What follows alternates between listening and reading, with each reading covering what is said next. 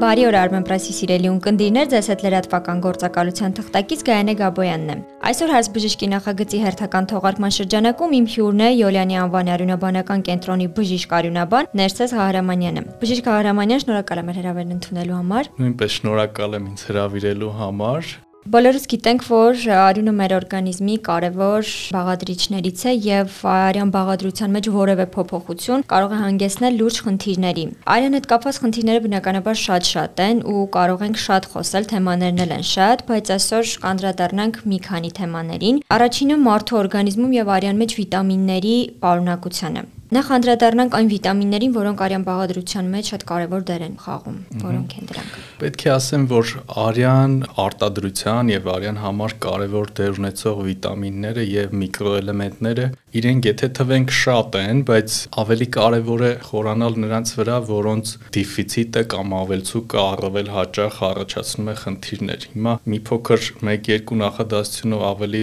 մանրամասնեմ, թե ինչի մասին է խոսքը։ Օրինակ ամենահաճախ հանդիպող խնդիրները երկաթից են դա առաջանում, բոլորս լսել ենք, դա միկրոէլեմենտ է եւ վիտամին B9-ից կամ ֆոլաթթվից եւ վիտամին B12-ից այս 3 տարի պակասության պատճառով արյան խնդիրները, ավելի շատ արյան պակասությունը կամ անեմիան կամ սակավարյունությունը առավել հաճախ են հանդիպում։ Բայց պետք է նշեմ, որ կան այլ պատճառներ վիտամինների հետ կապված, որոնք շատ ավելի հազվադեպ են։ Օրինակ վիտամին B6 կամ օրինակ վիտամին B2, B3, դրանք նույնպես կարող են սակավարության պատճառ հանդիսանալ, բայց դրանք շատ հազվադեպ են հանդիպում, իսկ այն 3-ը շատ հաճախ են հանդիպում։ Կուզենամ ընդհանրապես նշել, որ երկաթ պակասորթային սակավարություն, անշատ երկաթի պակասություն համարվում է, որ բնակչության 30%-ը ունի։ Պատկերացրեք, թե ինչ տարածված բան է։ Վերջին շրջանում շատ են քաղաքացիները ինքնուրույն տարբեր վիտամիններ ընդունում այս ու այն խնդիրը կապելով օրգանիզմում եւ արյան մեջ դրանց պակասի հետ։ Կնշեք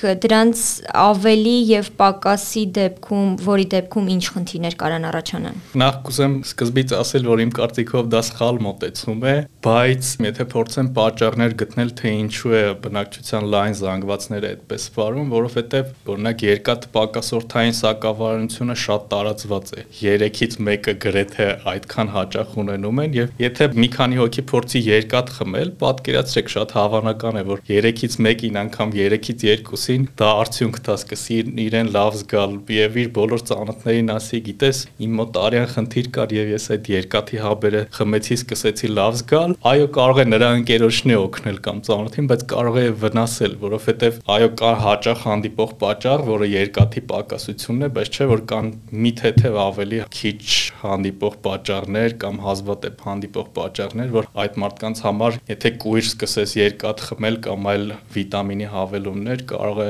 նախ ժամանակի կորուստ լինել, միգուցե դա այլ հիվանդություն է, որտեղ անեմիան բացի վիտամինների դեֆիցիտից այլ պատճառներ կարող է ունենալ, օրինակ չարորակ հիվանդություններ, դա հազվադեպ է, բայց կարող է լինել եւ ճակատագրական լինել այդ կույր ձևով ինքնաբուժությամբ ինքնուրույն վիտամիններ օգտագործել, այնպես որ անպայման թեկուզ դա թեթև խնդիր լինի, թեկուզ դա թեթև սակավարություն լինի, անպայման պետք է իմանալ թե ինչն է բուժվում, ինչ են խմում։ Եվ եթե ձեր կոնկրետ հարցին գանք, թե այդ վիտամինների օգտագործումը այլ ինչ վնասներ կարող է բերել, վիտամիններից որոշները ջրի մեջ լուծվում են եւ ավելցուկը մեզի հետ մեր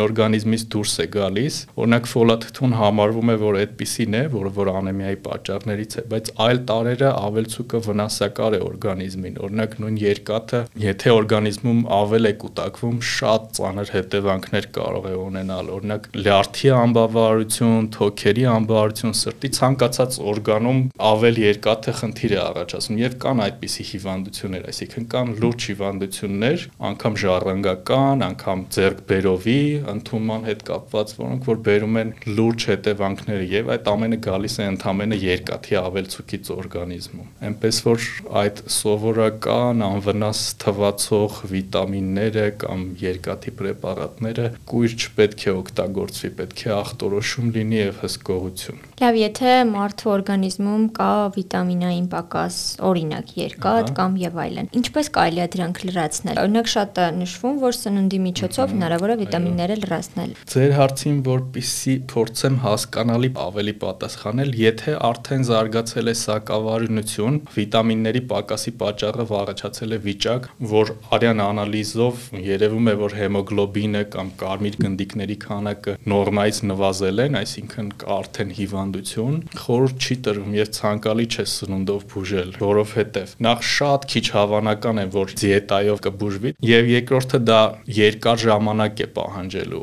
Օրինակ բերենք երկաթ դեֆիցիտին, որը որ ամենահաճախն է հանդիպում, եթե արդեն զարգացել է անեմիա, այսինքն սակավարյունություն, մարդը օրինակ վերացական բան եմ ասում, բայց 2 տարի պետք է ամեն օր լյարդ կամ շատ կարմիր միս ուտի, որpիսի դա վերականգնվի։ Իսկ եթե արդեն զարգացել է անեմիա, որը որ ունի իր սիմպտոմները, խնդիրները, պետք է շտապ բուժում, որpիսի շտապ վերանասակարությունը, շտապ վերականգնվի դա։ Այնպես որ եթե արդեն զարգացել է խնդիրը, միանշանակ սնունդով դա չպետք է բուժվի, պետք է բուժվի դեղորայքներով, բայց հստակ սնունդը ունի օրինակ կանխարգելիչ նշանակություն։ Բուսակերները երկաթի պակասություն կունենան, բայց այն մարդիկ, ովքեր որ մսի, կարմիր մսի կամ լյարդի չափաբաժինները ընդունում են, նրանց մոտ ավելի քիչ է հավանականությունը, որ ունենան այդ խնդիրներ, օրինակ երկաթի պակասորդ։ Այսինքն հնարավոր է նորմալ սնվելով պահպանել։ Կանխարգելել, այո, չնայած դա ոչ մի ձևով երաշխիք չի, որ չի զարգանա, որովհետև կան այլ խնդիրներ։ Բացատրեմ, եթե դասակարգենք այդ վիտամինների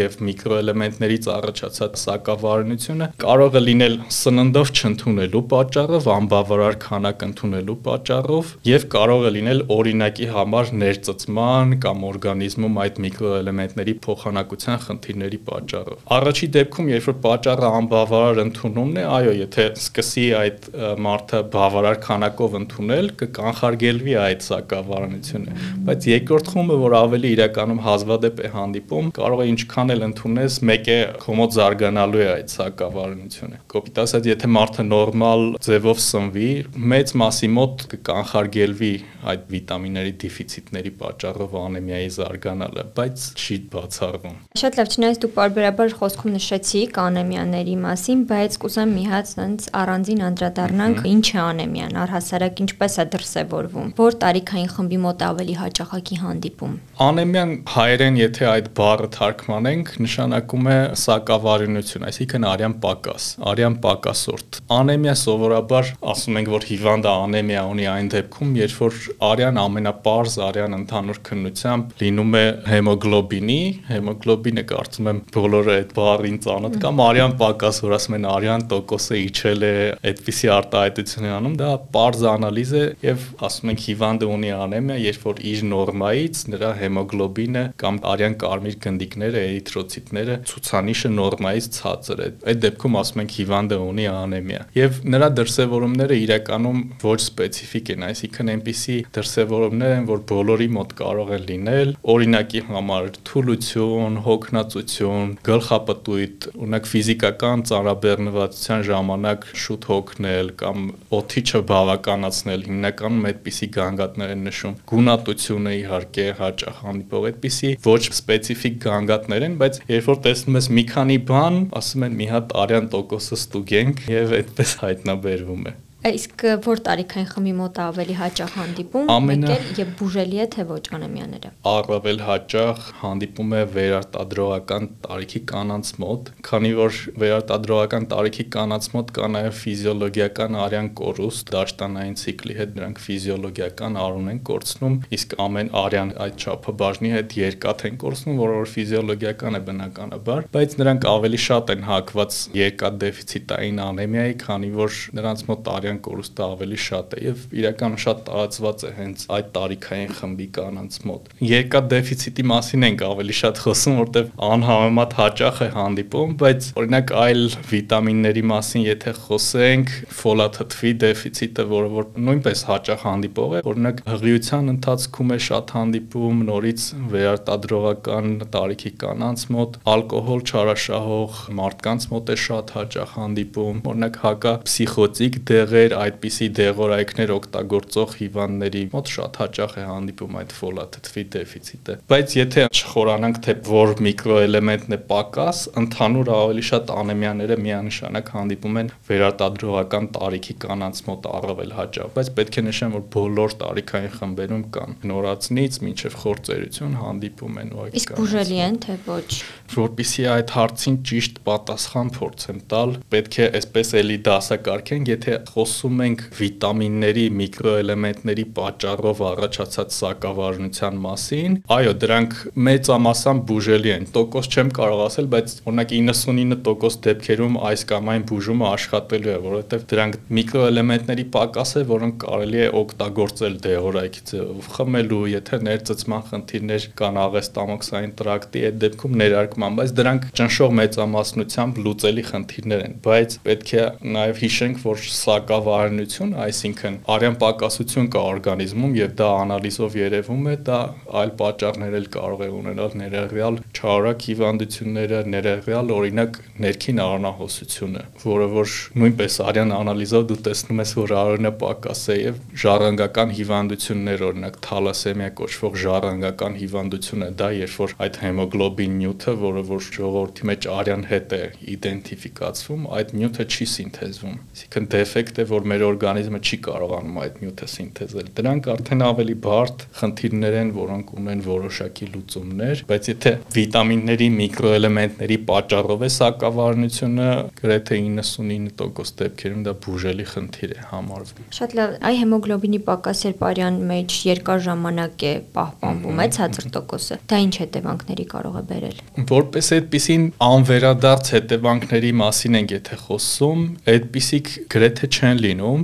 որովհետև դա վերականգնվող խնդիր է։ Չնայած որ այդ հեմոգլոբինի ցածր մակարդակի ժամանակ եւ սակավարության ժամանակ նախ ամենաառաջինը իրենց վատ են զգում այդ մարդիկ, նրանց կյանքի որակն է դժում։ Ինքը իրանով ցածր հեմոգլոբինը խնդիրներ չի առաջացնում, բայց օրինակ եթե հիվանդը ունի սրտային անբավարարություն, պատկերացրեք նրա սիրտը սնուցող անոթներից մեկը փակ է, օրինակ ինֆարկտներ է տարել կամ ունի սրտի իշեմիկ հիվանդություն եւ սիրտը ունի իրական սնուցման խնդիր, շատ դժվար է սնվում եւ գումարած դրան օրինակ երբ որ հեմոգլոբինը ցածր է, արյունը ցածր է, որը որ այդ սննդանյութերը պետք է մատակարարի սրտին, օրինակ կարող է սադրել ավել իշեմիկ գրողներ, ավել ինֆարկտներ, եթե այդպես անլուծելի հետևանքներ փորձեն գտնել, կարող է սադրել արկա խնդիրները։ Մեկ օրինակ բերեցի այդ սրտային խնդիրների օրինակով, բայց մեծամասամբ ինքնին անեմիան սովորաբար վերականգնվող խնդիր է եւ երբ որ այդ խնդիրը լուծվում է եւ հեմոգլոբինը նորից վերականգնվում է,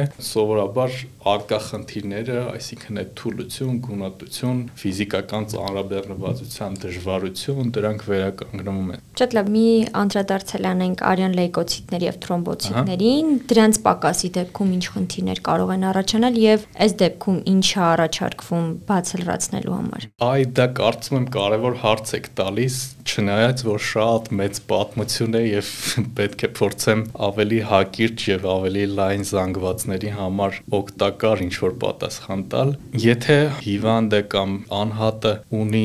եւ տրոմբոցիտների եւ լեյկոցիտների եւ հեմոգլոբինի ցածր մակարդակ, դա արդեն լուրջ հիվանդությունների կասկածի տեղիք է տալիս։ Լուրջ ասելով նկատի ունեմ օրինակ արյան չարակ հիվանդությունների կամ այլ ռևմատոլոգիական հիվանդությունների, բայց եթե տարբեր տարեր են պակաս արյան մեջ կամ շեղված թեկուզ բարձր։ Պետք է դիմել մասնագետի կոպիտ ասած ժամանակ ընձգելու կամ սպասելու առիթ չպետք է տա։ Իհարկե, ցածր շեղումներ հնարավոր է տարբեր խնդիրներից, օրինակի համար ցանկացած ինֆեկցիայից եւ հեմոգլոբինը կարող է նվազել եւ թրոմբոցիտները բարձրանան կամ նվազեն եւ նույն սպիտակ գնդիկները կամ լեյկոցիտները թեթև շեղումների մասին չէ խոսքը, բայց ծանր շեղումները պետք է հետազոտվել։ Եվ եթե գամ ձեր հարցին թրոմբոցիտների պակասը ինչ հետևանքներ կարող է ունենալ, թրոմբոց թրոմբոցիտները դրանք այն բջիջներն են կամ բջջային տարրերն են մեր արյան, որոնք որ ապահովում են մակարդումը, այսինքն պաշտպանում են մեզ արունահոսություններից եւ թեթև արունահոսություններից եւ կյանքին սպառնացող եւ եթե այդ թրոմբոցիտների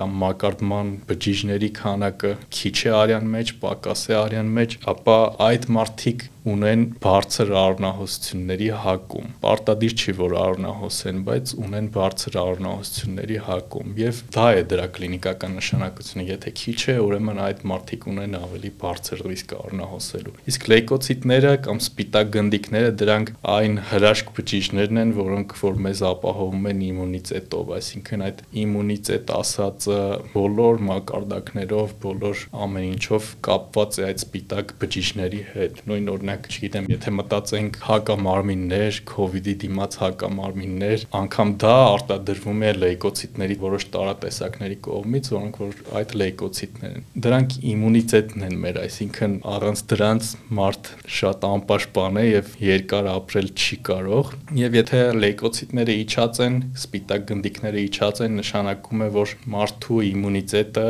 իմուն համակարգը տուժած է եւ նրանք ունեն բարձր ռիսկ ինֆեկցիաներով հիվանդանալու բայց պետք է նշեմ, որ եթե կա ցածր իջեցում, օրինակ նորմայի ստորին սահմանը արյան անալիզում լեյկոցիտների 4000-ն է, օրինակ 3-6-ը դա ոչինչ դեռ չի նշանակում։ Առից պետք է տա մտածելու, թե ինչի է այս մի փոքր իջել, բայց դա դեռ չի նշանակում, որ պետք է մտածել, որ մարդը իմունիտետ չունի։ Շատ լավ, ամփոփելով մեր զրույցը, կխնդրեմ մեր ունկնդիրներին ներկայացնեք խորհուրդներ, ինչ անել առօրյա կյանքում, որpիսի աշխատեն խուսափեն արյան մեջ որևէ կարևոր կարևոր բաղադրիչի ավել կամ պակաս լինելուց այն խնդիրները, որոնք որ կարող են առաջանալ արյան հետ եւ կախված են մարդու կենսակերպից, դա այն է, ինչ սկսեցինք, դա միկրոէլեմենտների եւ վիտամինների պակասի պատճառով առաջացող սակավարություններն են, որովհետեւ օրինակ նույն այդ լեյկոցիտների իջեցումը կամ չարորակ հիվանդությունները կամ խոր այդ տրոմբոցիտների պակասությունը դրանք մեզնից կախված չեն, այսինքն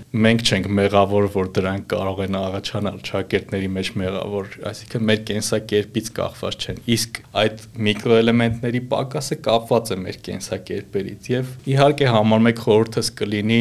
առողջ սնվել։ Ես բնավ դեմ չեմ բուսակերությանը եւ դա իր առողջարար նշանակությունը ունի, բայց պետք է հիշենք, որ բոլոր բուսակերները նրանք շատ ավելի մեծ ռիսկ եւ հակում են ունենալու տարբեր միկրոէլեմենտների եւ վիտամինների պատճառով առաջացող սակավարությունների։ Օրինակ երկաթ դեֆիցիտային սակավարություն կամ ավելի ծանր ծանր վիտամին B12-ի պակասով առաջացող սակավարությունը, որ որ տարածված է շատ վեգանների շրջանում, այն մարդիկ, որոնք որ կտրականապես հրաժարվում են կենթանական ծագում ունեցող սնունդից։ Ես ունեմ ինքս ընկերներ, ովքեր որ խիստ բուսակերներ են, բայց օրինակ նրանք բարբերաբար հանձնում են արյան անալիզ եւ ստուգում են այդ միկրոէլեմենտները։ Եթե կարճ ասեմ, եթե անգամ մարդ իհարկե վեգան է, կարող է հետևել ավելի շատ վիտամին B12 եւ երկաթ կատ, որովհետև այդ երկու միկրոէլեմենտներն են, որ նախ շատ հաճախ սակավարության պատճառ են հանդիսանում եւ երկրորդը կան միայն կենթանական սննդի մեջ։ Պետք է հսկել եւ եթե պակաս է առաջանում, ուղղակի նշանակվում են այդ տարերը որպես սննդային հավելում եւ մարդը ապրում է նույն ձև իր սկզբունքներին դեմ չգնալով եւ նաեւ առողջ։ Շնորհակալ եմ հետաքրքիր զրույցի համար։ Շատ շնորհակալություն ձեզ հրավիրելու համար, շատ հաճելի էր եւ հետաքրքիր։